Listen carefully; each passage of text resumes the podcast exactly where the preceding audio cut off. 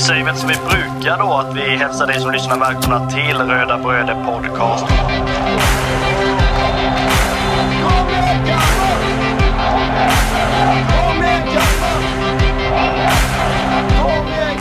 Vi är ju tre bröder som eh, driver en podcast som heter Röda Bröder Podcast. Eh, det är jag, Kristoffer Karlström, och det är min lillebror Marcus och min andra lillebror Andreas. Podcasten handlar bara om Kalmar FF.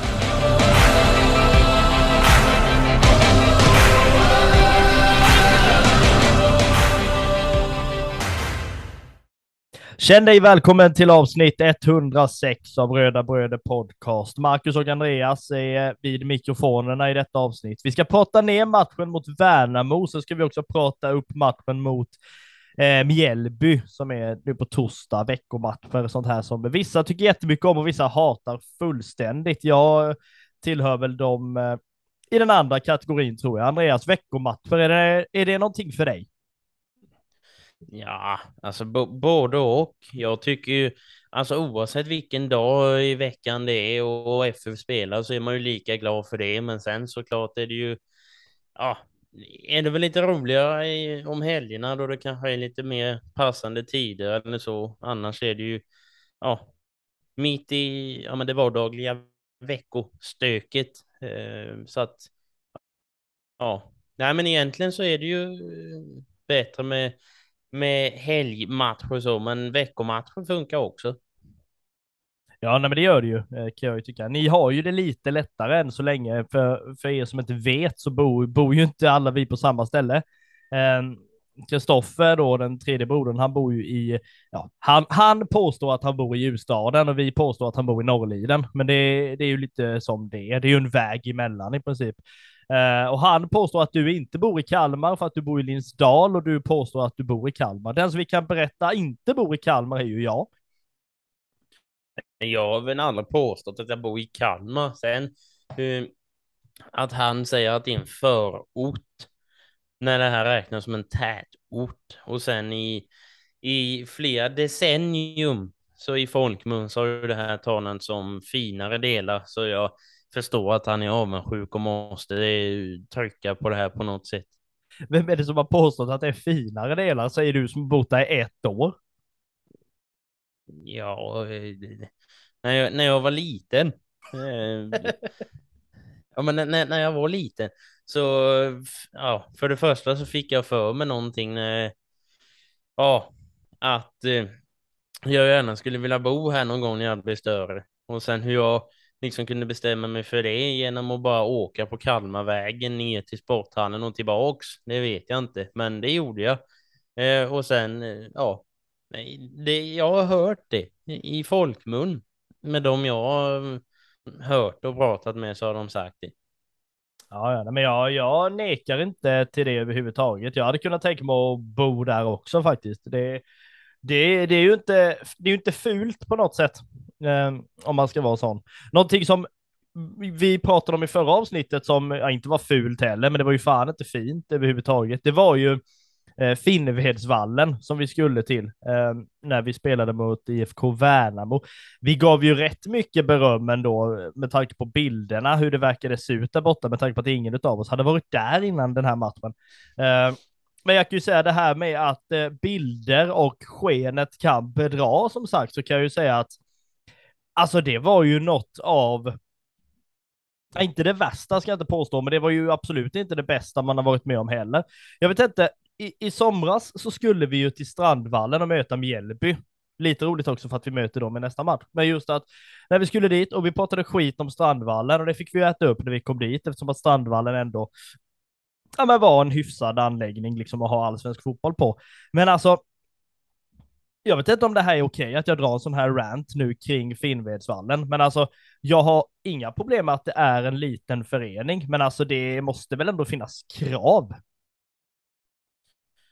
Ja, det ska du ju såklart, men ja, alltså på ett sätt hade jag varit i dina kläder så skulle jag nog aktat mig lite för de här recensionerna, för snart får du nog inte komma in på någon allsvensk arena så som du är igår. Nej, nej, det är möjligt. Det finns just, jag trodde det finns avstängningar för att man pratar skit om andra arenor. Då hade jag nog inte fått, fått komma in, eh, som sagt. Om, om jag bara får flika in lite och stå på, ja men kära Finnvedsvallens IP, eh, på deras sida lite mot, eh, ja men dina liksom, dina skopor onda andar över detta, så har de faktiskt 3,7 stjärnor av Googles 142 recensioner. Vad är dina stjärnor på den här arenan då? Alltså det roligaste är att mina stjärnor är ju, alltså det är ju inte många stjärnor kan jag ju säga, men alltså det, det är liksom så här då. Jag tycker väl dels synd om liksom Värnamo som förening. Jag vet att många tyckte synd om oss i Kalmar FF när vi spelade på, eh, på Fredriksskans förut. Men alltså här var det ju ändå en arena som på något sätt satt ihop med två läktare. Alltså nu ska ni få veta, det här är en rant av Guds nåde nu när vi kommer här, så ni som inte gillar detta, spola fram om ni vill. Men vi kommer alltså bort till Finnvedsvallen och så parkerar man där då. Det går jättebra det, eh, och sådär. Sen går vi då till den ingången vi tror egentligen är den enda ingången. För det kan ju inte vara så många andra tänker man. Då får vi veta det att nej, ni ska inte gå in här i huvudentrén. Du har ju en annan entré. Jag hade ju entré grusplan som vi kom överens om i förra avsnittet. Den entrén ligger så här nämligen. Du går över bron här, över ån som går och sen går du 400-500 meter rakt fram och sen till höger. Och där ska det ligga en stor grushög. Där ska du gå in, säger de. Bara det att man ska gå runt halva samhället för att komma in på samma arena är ju en rolig grej. Men i alla fall, vi går över då i den här ån eller vattnet där det står folk och fiskar och sen går vi bort och sen är det 400-500 meter. Och då möter vi, när vi väl kommer bort, och det är mycket riktigt en grushög då som möter en där och det står Ja, det är ju tält och fan vet allt. Alltså det var ju sponsormatch detta, så det var ju gratis grejer till höger och vänster. Men där står det i alla fall, i alla fall ett tält och så är det en, av någon anledning, en publikvärd som liksom rycker, äh, rycker tag i, i oss där och vi börjar småprata lite och han var, var ändå ganska trevlig. Men det här är liksom det som nästan jag känner är så typiskt för den här storleken på förening. Vi står där och pratar om att Kalmar måste ju vinna för att hänga med i Europaracet och hej och hå och Värnamo är ju typ avhängda och så vidare. Men det vi liksom, det som här slår mig, det är att precis i den här diskussionen så avbryts det av att det rullar in en bil på den parkeringen. Kan du gissa vad det är för bil som rullar in? Inte en aning vad det är för bil. Det rullar in, barometernbilen rullar in och den här killen blir så till sig som om det fan vore Biden som rullar in där nästan. Han bara, nej men är det barometern som är här också? Man bara, det var ungefär som att du, hade aldrig sett något liknande. Liksom, det är väl Värnamo-blaskan som brukar vara där på deras matcher mer eller mindre. Så det här var ju storhetsvansinne fullständigt. Eh, sen kommer vi i alla fall in på Finnvedsvallen och eh, går över en bro till. Jag vet inte alls hur de har tänkt sig att den här eh, bron ska ligga, eller att den här arenan ska liksom funka överhuvudtaget. Men vi kommer i alla fall över. Eh, och då är det liksom ja, någon form av musik när man kommer in. Men precis när man spelarna väl kommer in och ska liksom värma upp, då dör musiken. Allting bara dör och en kille i typ, eller gubbe var det typ 70-75 års åldern ska liksom prata sig igenom hela uppvärmningen mer eller mindre. Och det som var mest intressant var att, att folk och speakers och kommentatorer runt om i Sverige inte har lärt sig att Nahom Netabay heter just det och att Filip Sakpekidis heter just det. Det kan man ändå köpa, men när de fan inte ens kan namnen på sina egna spelare så är det ju fullständig fara och färde kan jag säga. Ja, men det är ju tur att man anställer folk som har koll i en sån här en sån här tjänst i alla fall. Ja, nej, det kan man ju verkligen säga. Men sen var det ändå en rätt, alltså det var ju, alltså det är ju inte ens i närheten av en allsvensk anläggning detta, det måste man ju liksom ändå säga. Och jag vet att det pratas om att Värnamo ska få något nytt någon gång och det, låt det gå fort då för deras egen skull. Um, Verkligen, liksom. Men an annars var det, alltså, det var ju en trevlig tillställning, även om man var, jag var fullständigt irriterad och rasande de första tio minuterna. Jag vet inte hur du upplever början av matchen eh, där hemifrån. Men alltså, min första spontana tanke var väl lite det att eh, ja, men man kändes lite, lite rädd för just att få bollen. Man visste inte riktigt vad man skulle göra göra med den. Eh, det kändes ju i alla fall som att Ja, men de, de var ju överens om i alla fall att motståndarna ska inte få bollen, men till en början kändes det lite som att ja, men det ska inte mina medspelare heller göra, utan man bara typ var alltså alldeles för snabb i liksom passningarna och ja, ja men medspelaren hann inte riktigt med. Eh, jag vet inte om du uppfattade det på ja, men ungefär samma sätt eh, från eh, ståplatsen, sittplatsläktaren där. Alltså det, det jag liksom upplever i början av matchen är ju att jag vet inte om man, om man är övertaggad är väl fel ord, för jag tycker inte man är taggad överhuvudtaget. Jag tycker man kommer ut väldigt tafatt i början, eh, alltså sådär liksom. Men man, vi vet ju nu att Kalmar är ju ett av allsvenskans bästa lag på att hålla i bollen och att liksom man spela sig ur situationer. Men eh, jag vet inte, det är liksom det är korta insparkar och det ska spelas runt liksom och det ska vara minsta möjliga marginal och sen alltså skickas ju en sån vanlig passning bara rätt ut över sidlinjen så man ger ju fullständigt bort alltså 1-0 till Värnamo. Man har ju lärt sig nu att Värnamo tar ju gärna chanserna om de får dem. Liksom. Så det är klart att gör man sådana misstag och liksom inte är pigga till en början så liksom tar ju Värnamo initiativet och får ju 1-0 och det är ju så fruktansvärt onödigt. Alltså när man väl alltså har möjligheten och det är ändå allvar nu sista fem omgångarna. Jag menar, vi har möjlighet på på Europaspel, absolut. Vi har ändå en teoretisk möjlighet att liksom ta guldet, även om det nu ska väldigt mycket till för det. Men alltså då, då funkar inte den inledningen överhuvudtaget. Det, det leder ju bara till en stor frustration och det är ju också för jäkligt om man nu ska vara sån att det ska krävas en frispark som Oliver Berg alltså sätter utan några som helst eh, krusiduller för att man då ska vakna till. För därefter så känner man ju igen det Kalmar FF man har sett under 2022. Alltså att det ska till någonting innan det liksom vaknas till. Varför kan man inte vakna till direkt? Ja, det är ju det man tycker att de, ja, men att de ska göra. Eh, jag tycker att de ska ja, men pratat igenom allting innan de väl blåser igång. Eh, och så att alla liksom är med, är med på samma tåg. Eh, men det kändes som att eh, ja, men i början av den här matchen så var alla på olika tåg, alltså ingen riktigt visste vad, ja, men vad man skulle göra i, i ja, men första skedet av matchen. Men sen precis som du säger så efter frisparksmålet, där 1-1 målet, så eh, ja, men det, det, var ungefär som en helt annan match kände jag. Eh, ja, men eftersom att de eh, ja, men de, de blev ju, alltså de var ju lika, ja, vi ville passa liksom vidare bollen och vara snabba ur situationen, men då visste de liksom var de skulle, var de skulle passa, var de skulle liksom, var de hade sina, sina medspelare. Jag menar där i den matchminuten efter 1-1 målet, det var egentligen där vi skulle startat själva, själva matchen från början tycker jag. Ja, nej, men jag håller fullständigt med. Alltså jag tycker ändå att ja, men som jag sa innan, när väl 1 målet kommer så tycker jag liksom att man, man vaknar till eh, på ett sätt. Det är ändå no, alltså en situation som ändå tänder laget. Eh, och man känner ju igen Kalmar FF på det sättet. Jag tycker också att man, alltså man, man står ändå för en bra första halvlek. Eh, alltså så, eh, tycker jag. Det är ju, jag tycker inte att det ser ut på något sätt som att man ska gå därifrån med en vinst eller sådär väldigt enkelt, men det är Tycker inte heller att det är särskilt hotat. Alltså visst, Värnamo har någon chans i första halvlek liksom som kan ställa till det, men jag tycker inte det är alltså någon, någon farligare situation, utan det, det kommer väl mer eh, till den andra halvleken där man verkligen får en fördel i och med den ja, men, klantiga utvisningen som Värnamo eh, ja, men, faktiskt eh, ja, men, får emot sig.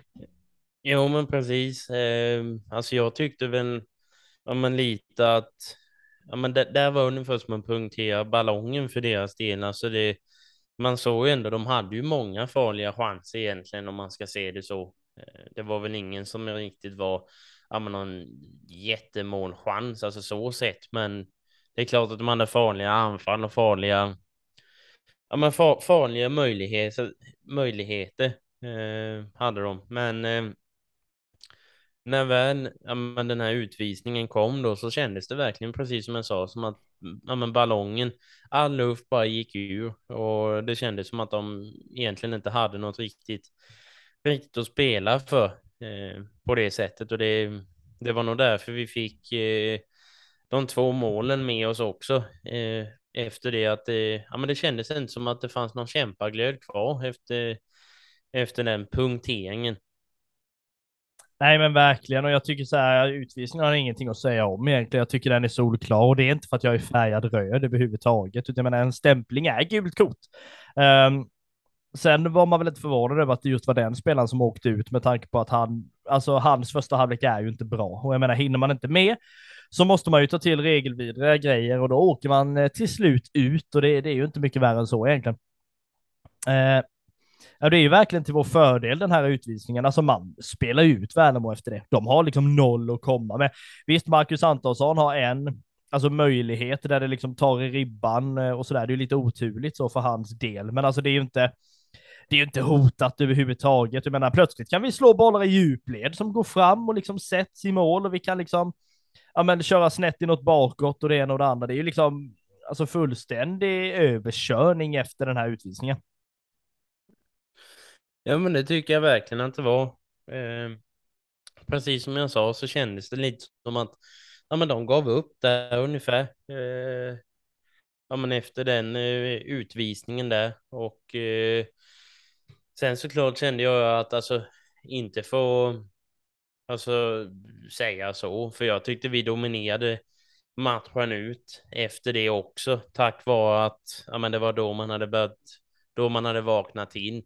Eh, det lät ungefär som att jag skulle påstå att, det, att Värnamo liksom gav sig, det var då allting blev bra och det påstår jag inte, utan det var det var ju precis då efter frisparksmålet som man vaknade till liksom i laget, men man fick ju inget direkt alltså tufft motstånd efter, efter deras utvisning och det, nej, det, det tyckte jag man drog väldigt nytta av.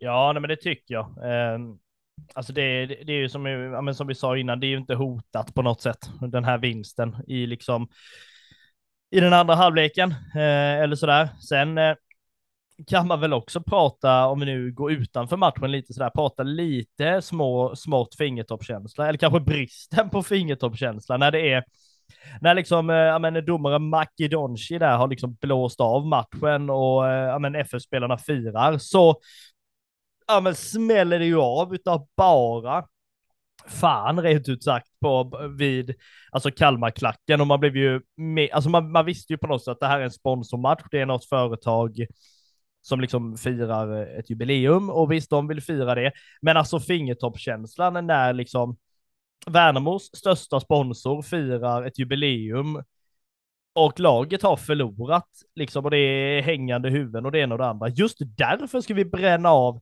ett av de största fyrverkerierna som ni någonsin har sett i den här delen av Småland och liksom skrämma fullständigt skiten ur de 3000 som var på plats. Jag menar, ni vid tv blev ju rädda och förvånade och kommentatorn med, men tänk på oss som var där då, helt plötsligt bara smäller det bakom häcken på dig. Ja, men jag, jag blev lite alltså, fundersam där till en början om vem det var som hade de här fyrverkerierna. Jag trodde ju att man på något sätt, alltså för, för Kalmarklackens del hade lyckats få med sig sådana här saker in och sköta av för att fira liksom, ja men den uppe på tredje platsen. Men det var, det var tydligen inte riktigt vi som tyckte att det skulle firas, utan det var Värnamo sponsor som det nästan kändes, för det sa de ju på tv i alla fall att i Värnamo så firar man även att motståndaren går vinnande ur och det, ja, det, det, det är väl sportsligt. Ja, jo, verkligen. Alltså jag, jag tycker det här, om jag ska vara sån här, jag tyckte det var ganska roligt faktiskt. Eh, det, dels liksom så bränner de ju av någonting och jag menar det är alltså folk som inte var beredda på detta, vilket liksom merparten av publiken inte var, så blir man ju skiträdd och sen framförallt när liksom de här raketerna smäller av i närheten av plan med. Det var ju liksom inte så att de hade spikat fast den här i marken eller grävt ner den och det var liksom jättebra utfört. Men alltså det var som Kristoffer sa, eh, alltså måste det varit någon timer på den, att så fort liksom som Alltså domaren blåste av så var det någon som bara, när han blåser av så trycker du på knappen och då var det någon som tryckte på knappen. Eller så blev det bara alltså dyngfel fullständigt, för det kändes ju väldigt, väldigt konstigt. Men visst, det kan man ju ta man kan ju ta det som någonting positivt att Kalmar vann eh, då det här så kallade derbyt och då smäller vi fyrverkerier även när vårt hemmalag har förlorat. Ja, alltså både och skulle jag väl känna för att alltså hur eller hur så var det ju ja, i liksom sponsorns fall för att de hade jubileum. Och det här visade ju att ja, men de, hade nog, de sköt ju av det oavsett vem som vann just för att ja, men det, det var deras alltså, sätt att fira ett jubileum på. Sen såklart så skulle man ju hellre ha, alltså för deras del ha firat det med tre poäng och en vunnen match också. Men det, jag tror nog att de sköt ju av det för deras egna del så att säga. Så jag tror nog inte riktigt att resultatet påverkade beslutet om man skulle skjuta av det eller inte för att det, alltså det var ju under den matchen de firade troligtvis. Det var ju inte liksom, ja men det här skjuter vi i, ja, från förra matchen egentligen under jubileumet och liksom att de vinner kanske nästkommande match. Jag tror att de hade nog skjutit av det i vilket fall. Ja, men det tror jag.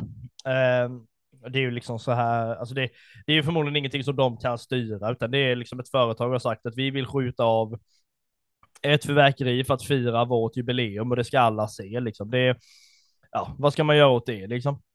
Det jag kan tycka däremot är ganska lustigt är ju det att det är alltså gratis inträde. Det kostar liksom inte ett skit att gå in. Du får massa gratis grejer. Du kan ge bort i julklapp sen och där är det inte fullsatt jag blev jätteförvånad när jag mötte ett par Värnamo-supportrar innan matchen och de sa att ah, det kommer nog inte bli mycket mer folk än förra matchen och då var det 3000.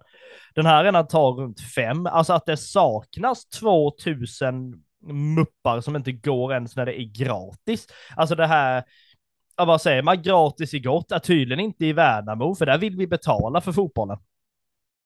Ja, ja så kan man ju tycka, men samtidigt, alltså som som smålänningar eh, som vi är så är man ju liksom att alltså så fort det vankas gratis, det är ju då en smålänning vaknar till liv nästan och det, det verkar det väl inte riktigt vara så i det här fallet, för jag menar det är ju, det är ju tyvärr, tyvärr säger jag, oftast, ja men då, då det, ja, då det blir mycket folk och liksom folk tar sig tiden och går dit. Det var som i, här i, i stan, eh, innebandylaget hade seriepremiär och en sponsor hade betalat för inträdet. Ja, det var knappt ens lika många som det alltså brukar vara på en, på en sån match, även om, alltså om det skulle vara ja, betalat inträde eller vad man säger. Så det, jag tycker det är tråkigt att, alltså när man liksom, när det är någon liksom sponsor som vill skämma bort dem ordentligt och liksom bjuda på inträdet för att få dit så mycket folk som möjligt och sen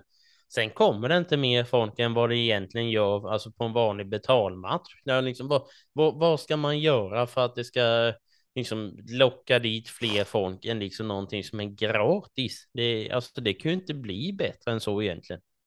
Ja, men det blir ju väldigt konstigt, jag menar, när man då, och då, de som då säger så här, men okej, varför går du inte och kollar på fotbollen? Är det är för dyrt. Ja, men nu är det ju liksom inte ens dyrt, nu är det ju för fan inte ens billigt, det är ju gratis, inte ens då kommer ni, då kan, det är ju inte det som är anledningen då.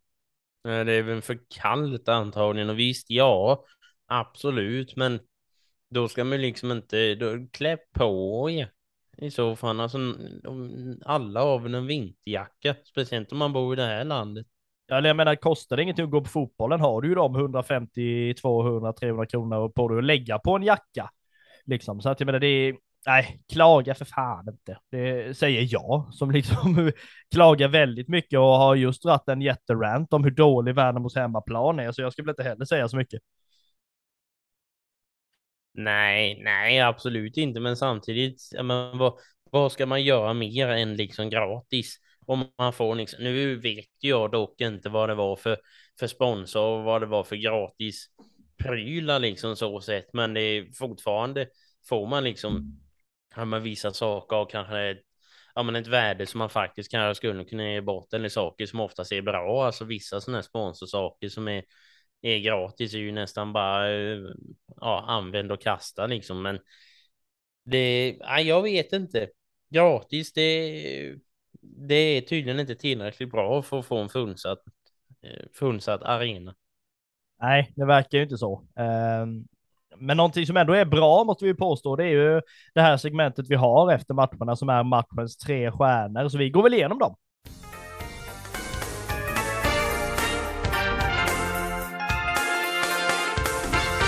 Matchens tre stjärnor. Vi delar ju i sedvanlig ordning ut eh, en stjärna, två stjärnor, tre stjärnor till eh, spelare som vi tycker har utmärkt sig under matchen på ett eller annat sätt och då förtjänar en, en sådan liten hyllning ändå. Ehm, den som får en stjärna har vi ju valt att eh, sätta Jakob Kindberg. Han gör sin allsvenska startdebut i den här matchen. Eh, det är liksom inget ja, ingenting han kan göra egentligen på det målet som kommer, tycker jag ändå han verkar alltså lugn och fin och det är liksom, ja men det är som det. Alltså Friedrich är ju en helt annan typ av målvakt och har mycket mer erfarenhet och kan styra upp en backlinje på ett annat sätt. Men alltså Jakob Kindberg står för en bra insats och eh, förtjänar absolut en stjärna. Den som får två stjärnor i den här matchen är ju en spelare som vi vet lämnar oss efter säsongen, men som vi fan hade gett allt smör i Småland för att han skulle stanna och det är ju Sebastian Nanasi. Det här är en spelare som mer eller mindre prenumererar på den här listan, har, har blivit en rejäl publikfavorit. Eh, ja, går från klarhet till klarhet under matcherna och gör det bara bättre och bättre. Så därav två stjärnor till Nanasi en kille sen då som har kämpat i år och i och har liksom funnits i Kalmar FFs, ja, mer eller mindre för alltid känns det som och lär väl aldrig lämnat till någon annan förening heller känns det också som. Eh, tre stjärnor får han i denna matchen, står för ett grymt mål, är också en, ja men en spelare som verkligen har vuxit till sig under den här säsongen. Känns också som att han har alltså trivs bättre. Det ser i alla fall ut så i, i hans spel. Han utstrålar någonting helt annat och det är ju han som alla speakers och kommentatorer i världen har så svårt att uttala. Men han heter Filip Sakpekidis. Grattis! Vi har ju också ett segment som vi drar efter varje match som heter matchens frågetecken. Ibland är det någonting i matchen som har hänt, ibland är det någonting ja, vid sidan av eller utanför eller sådär som ändå har gjort att man har dragit öronen åt sig och tänkt lite att vad, vad handlar detta om egentligen? Och ett av de, eller det frågetecknet som jag fick med mig efter denna matchen, det var ju att eh, den här förbaskade bengaldebatten får liksom fart igen eh, i Kalmar FF-led. Alltså det är ju så för er som inte vet vad jag pratar om, när inmarschen går så är det någon i Kalmarklacken som eh, poppar en bengal helt enkelt. Eh, och det blir ju ett jävla liv om det i, i vanlig ordning. Eh, och jag kan tycka så här, man kan tycka vad man vill om detta. Ja, det finns ett regelverk som säger att det är förbjudet och det är ordningsstörning och sånt där och det får man ju respektera. Men en åsikt är ju ändå Alltså delad kanske. Vissa tycker att men det spelar väl ingen roll. En bengal hit, en bengal dit. Vad spelar det för roll? Men medan vissa drar väldigt, väldigt eh, alltså hårt åt detta. Eh, och jag kan tycka det är tråkigt att när man liksom drar en bengal på ändå ett, ett bra sätt jag menar, då tycker jag inte att det är några särskilda problem. Och vad är då ett dåligt sätt kan man ju undra. Jo, men de som körde bengaltennis under Stockholmsderbyt eller de som väljer att använda det som ett vapen istället för en stämningshöjare. Där har vi ett problem. Och tyvärr så är det ju de som får, de som ändå sköter bengalerna på ett bra sätt, att eh, alltså de drar ju dem i smutsen också. Eh, så mitt frågetecken är väl egentligen, alltså hur farligt är det med en bengal hit, en bengal dit? Andreas, vad tänker du? Nej, alltså precis som du, som du nämner så eh, kan jag inte mer än att mm, alltså, instämma till fullo det här med Ja, alltså en bengal hit eller dit på en match eller kanske ja, men två stycken som är igång samtidigt på sin höjd och liksom att ja, men klacken är liksom i 300 watt liksom här nu. Nu är vi igång och det blir liksom en stämningshöjare av det alltihopa. Det, det ser jag nästan bara att ja, men vi, vi vill nästan se alltså mera sånt. Men sen finns det ju tyvärr de som ja, absolut inte kan hantera en sån här sak eh, överhuvudtaget. Och då var du inne på den här ja, men eh, bengaltennisen då, om man får kalla det så, eh, som eh, ja, alltså många, många spelare också in eh, har sagt då eh, att eh, sådana här saker ska bort från fotbollen. Det här har liksom ingenting med fotbollen att göra. Det är ingen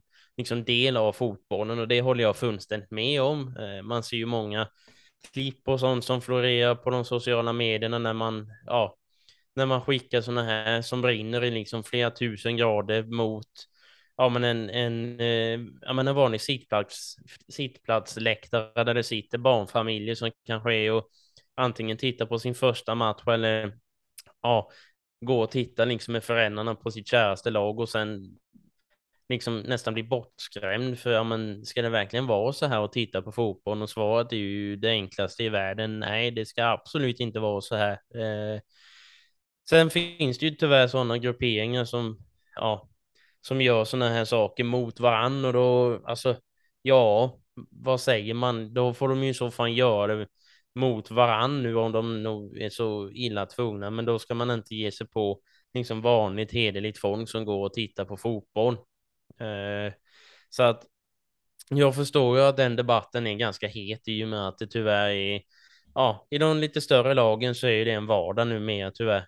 Eh, och eh, nej, och det, det drar ju liksom det här verkligen ner i gruset inom mig att ja, men för vissa lag så blir det här en stämningshöjare och för vissa liksom så blir det ett, ja, det blir, det blir fruktansvärt eh, helt enkelt och det jag tycker det är jättetråkigt för, för min egen del så tycker jag verkligen att det är en stämningshöjare och eh, ja, det gärna hade fått vara med sådana ströbengaler under, under matcherna. Men sådana saker som är nu, det vill jag och jag tror ingen skulle vilja se sådana här saker.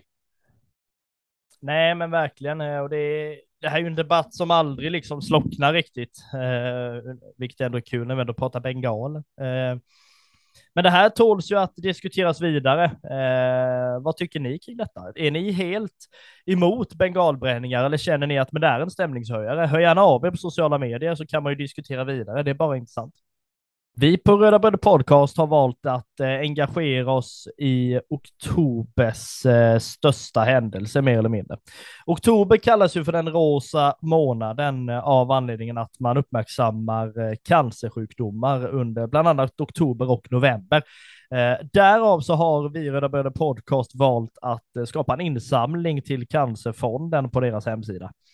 Eh, insamlingen heter Röda Bröder mot cancer och där samlar vi in pengar som går oavkortat till Cancerfondens arbete för eh, forskningen i kampen mot cancer. Vi har redan fått in eh, ungefär en tusenlapp av de 5000 vi jättegärna hade velat få in för för det här initiativet. Så eh, ni som inte har varit inne där ännu och eh, faktiskt skänkt eh, det som ni kan, gå in och sök på Röda Bröder mot cancer så hittar ni våran insamling.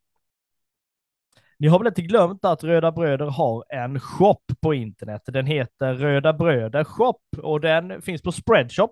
Eh, antingen så går ni in och så skriver ni Röda Bröder eh, .spreadshop.com eh, eller så går ni bara in på Google och så söker ni på Röda Bröder Shop så kommer ni hitta oss där. Vi har massor med grejer. Vi har ett antal motiv med i både t-shirts med den här kollektion, med damkollektion, med barnkollektion. Vi kommer vi har också en hel del andra saker eh, i den här shoppen och det kommer att växa eh, så smått eh, när nya motiv finns på plats. Eh, vi säger tack så mycket till er som redan har varit inne och handlat grejer, men eh, för er som inte har gjort det, gå in och kolla. Det finns någonting för alla. Vi gör väl sedvanligt så att vi skiter lite i den matchen som har varit och så går vi vidare till eh, kommande match. Den här, gud förbannade veckomatchen mot Mjällby, Andreas. Eh, och eh, tabellplatsen har de en nionde placering på som jag tror att de är ganska nöjda med och eh, eh, den bästa målskytten är nog någon som du får hjälpa mig med, Marcus. Ja, men det är ingen fara. Det är ju Envan Campo, eh, om man uttalar det rätt, som har gjort sju mål. Eh, och som du säger, deras form är ju liksom inte jättebra. Vi trodde ju att de skulle hjälpa oss eh, i, eh, på resan mot Europaspel genom att eh, få i alla fall oavgjort hemma mot Hammarby, men det fick de ju inte. De förlorade med 0-3, eh, vilket kanske inte var jätteförvånande heller, eh, med tanke på att eh, Hammarby går som tåget. Eh, tyvärr. Sedan nästa matchen oss emellan och mot Mjällby var ju nere på Strandvallen i en match som hade alltså fullständigt alla väder. Det var Eh, det var sol en sekund, det var eh, ösregn en sekund, det var liksom, ja, blåste gjorde det och det var, det var allt möjligt. Det var alla årstider på en och samma gång i en match som slutade 1-1 eh, efter mer eller mindre två självmål ska jag säga. Det var ju liksom inte så att, ja, jag vet inte. Det var, det var inte världens bästa match, eh, måste jag säga. Eh, och en av anledningarna till att det inte blev mer än 1-1 i den här matchen är ju motståndarmålvakten Samuel Brolin. Han är en av de få i Mjällby som faktiskt har startat alla matcher. Han har ju gått en resa eh, till mötes från då P19-spel i då AIK via Akropolis till nu då Mjällby, eh, där han egentligen är ohotad eh, förstemålvakt. Eh, måste vi ändå säga. Eh, om vi ska titta lite kring eh, Mjällby generellt så är de ju ett alltså, tufft lag att möta. De är speciellt bra på sin hemmaplan, så det är ju väldigt, väldigt skönt att den här matchen inte går eh, på Strandvallen utan att den går på Guldfågeln Arena. Och här på hemmaplan borde man ju kunna prestera bättre ändå. Ja, men det tror jag. Eh, man hoppas ju verkligen på, alltså även det kalla eh, oktobervädret som kryper allt närmare in på nu på, på kvällskvistarna så hoppas jag att eh, ja, många tar på sig en extra jacka, tar med sig filt och går dit och, och sätter sig eh, och eh, man ger allt det stöd som, som man bara kan. Och sen eh, nu när vi ändå har matchen uppe här så är det ju faktiskt en ganska speciell match som, eh, som eh, ja, men har en, eh, en, en höjdpunkt eh, i den här matchen som du gärna får nämna också. Ja, men det har den ju. Eh, Erik Israelsson ska ju, har ju avslutat sin karriär och eh, ska ju då hyllas i, eh, i och med denna matchen. Med all rätt måste vi säga. Fram till för några dagar sedan eh, så kunde man köpa biljetter för 112 spänn på grund av att det är 112 matcher han då har gjort i eh, i Kalmar FF-tröjan. Eh, sådär. Nu är ju den, eh, nu är det erbjudandet ute i världen, så det kan ni ju skita i just nu. Men eh, oavsett det så är det ju här att det ska ju hyllas. Eh, nu ska jag säga att han gjorde ju 295 matcher totalt och 112 allsvenska matcher. Det är viktigt att nämna. Eh, därför var det så att biljetterna kostade så. Eh, man har ju redan nu eh, ungefär i dagarna här eh, passerat 5000 biljetter och det är väl ändå godkänt med tanke på att det, som du säger, är dyngkallt ehm, och då ändå ett lag som Mjällby som kommer, så man får väl ändå ta den siffran man får. Eh, måste vi väl ändå påstå faktiskt. Kollar vi i Kalmar FF istället för Mjällby så är det ju så att eh, man kommer ju nu från en 3-1 vinst eller 1-3 vinst mot, Mjäll, eh, mot Värnamo. Um, har ju liksom allting i egna händer. Det är ju Europaspel på kartan som ska ja men verkligen ros i hamn, måste vi ändå säga. Och vad liksom blir det viktigaste i denna matchen, skulle du säga? Eh, ja, men det viktigaste tror jag nog är att, eh, som jag alltid säger känns det som, att, eh, ja, men att man visar var skåpet ska stå redan från, från, eh, från början. Eh, de ska ju verkligen se att eh, ja, men de, de har kommit till, till våran hemmaborg eh, och eh, ja, men att här finns det liksom ingenting ingenting för dem att hämta, utan det vi ska gå vinnande ur den här, ur den här striden på ett eller annat sätt. Eh, och eh, nej, men precis som jag sa, visa att eh, det är vi som bestämmer helt enkelt.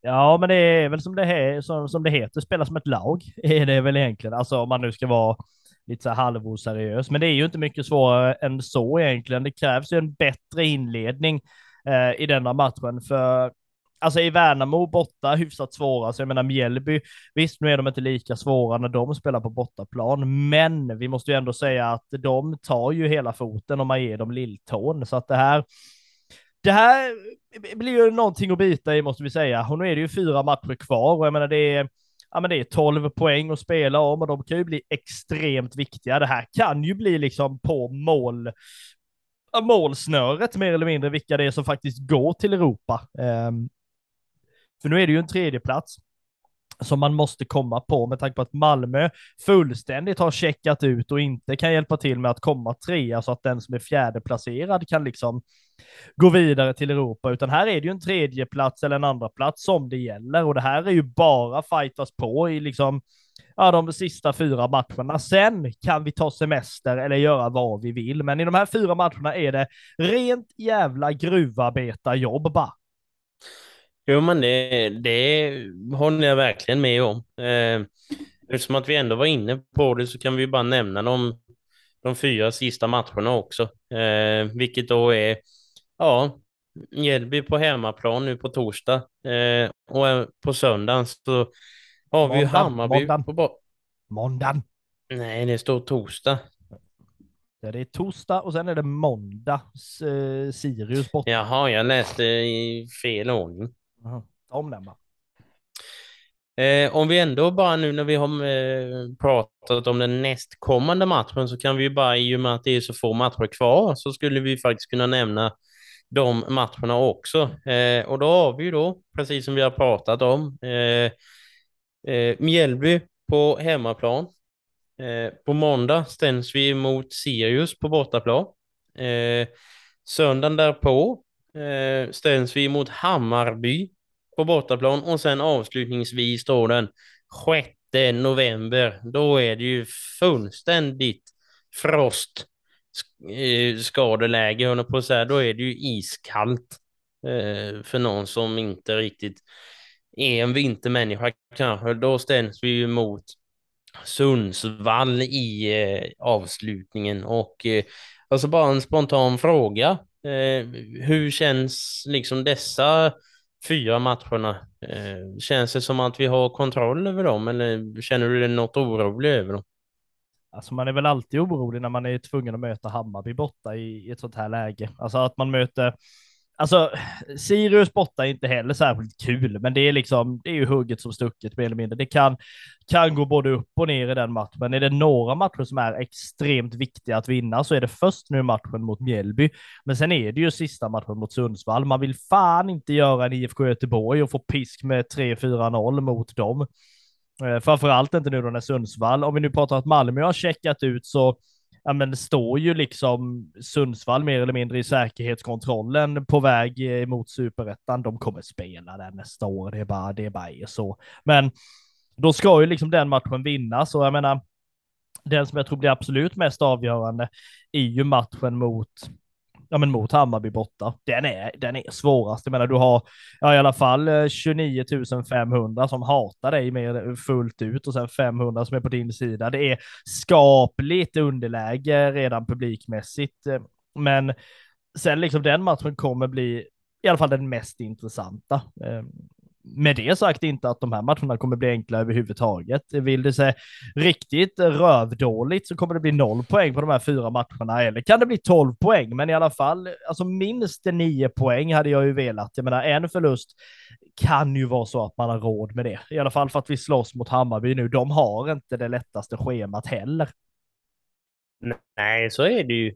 Eh, och sen bara för att man ställer sig mot ett eh ja, men ett lag under oss att säga eh, i tabellen så ska man ju absolut inte tro att man går vinnande ur den eh, så sett, för det har vi ju varit med om innan att man nästan själv skriver resultatet och sen blir det något helt annat utav det.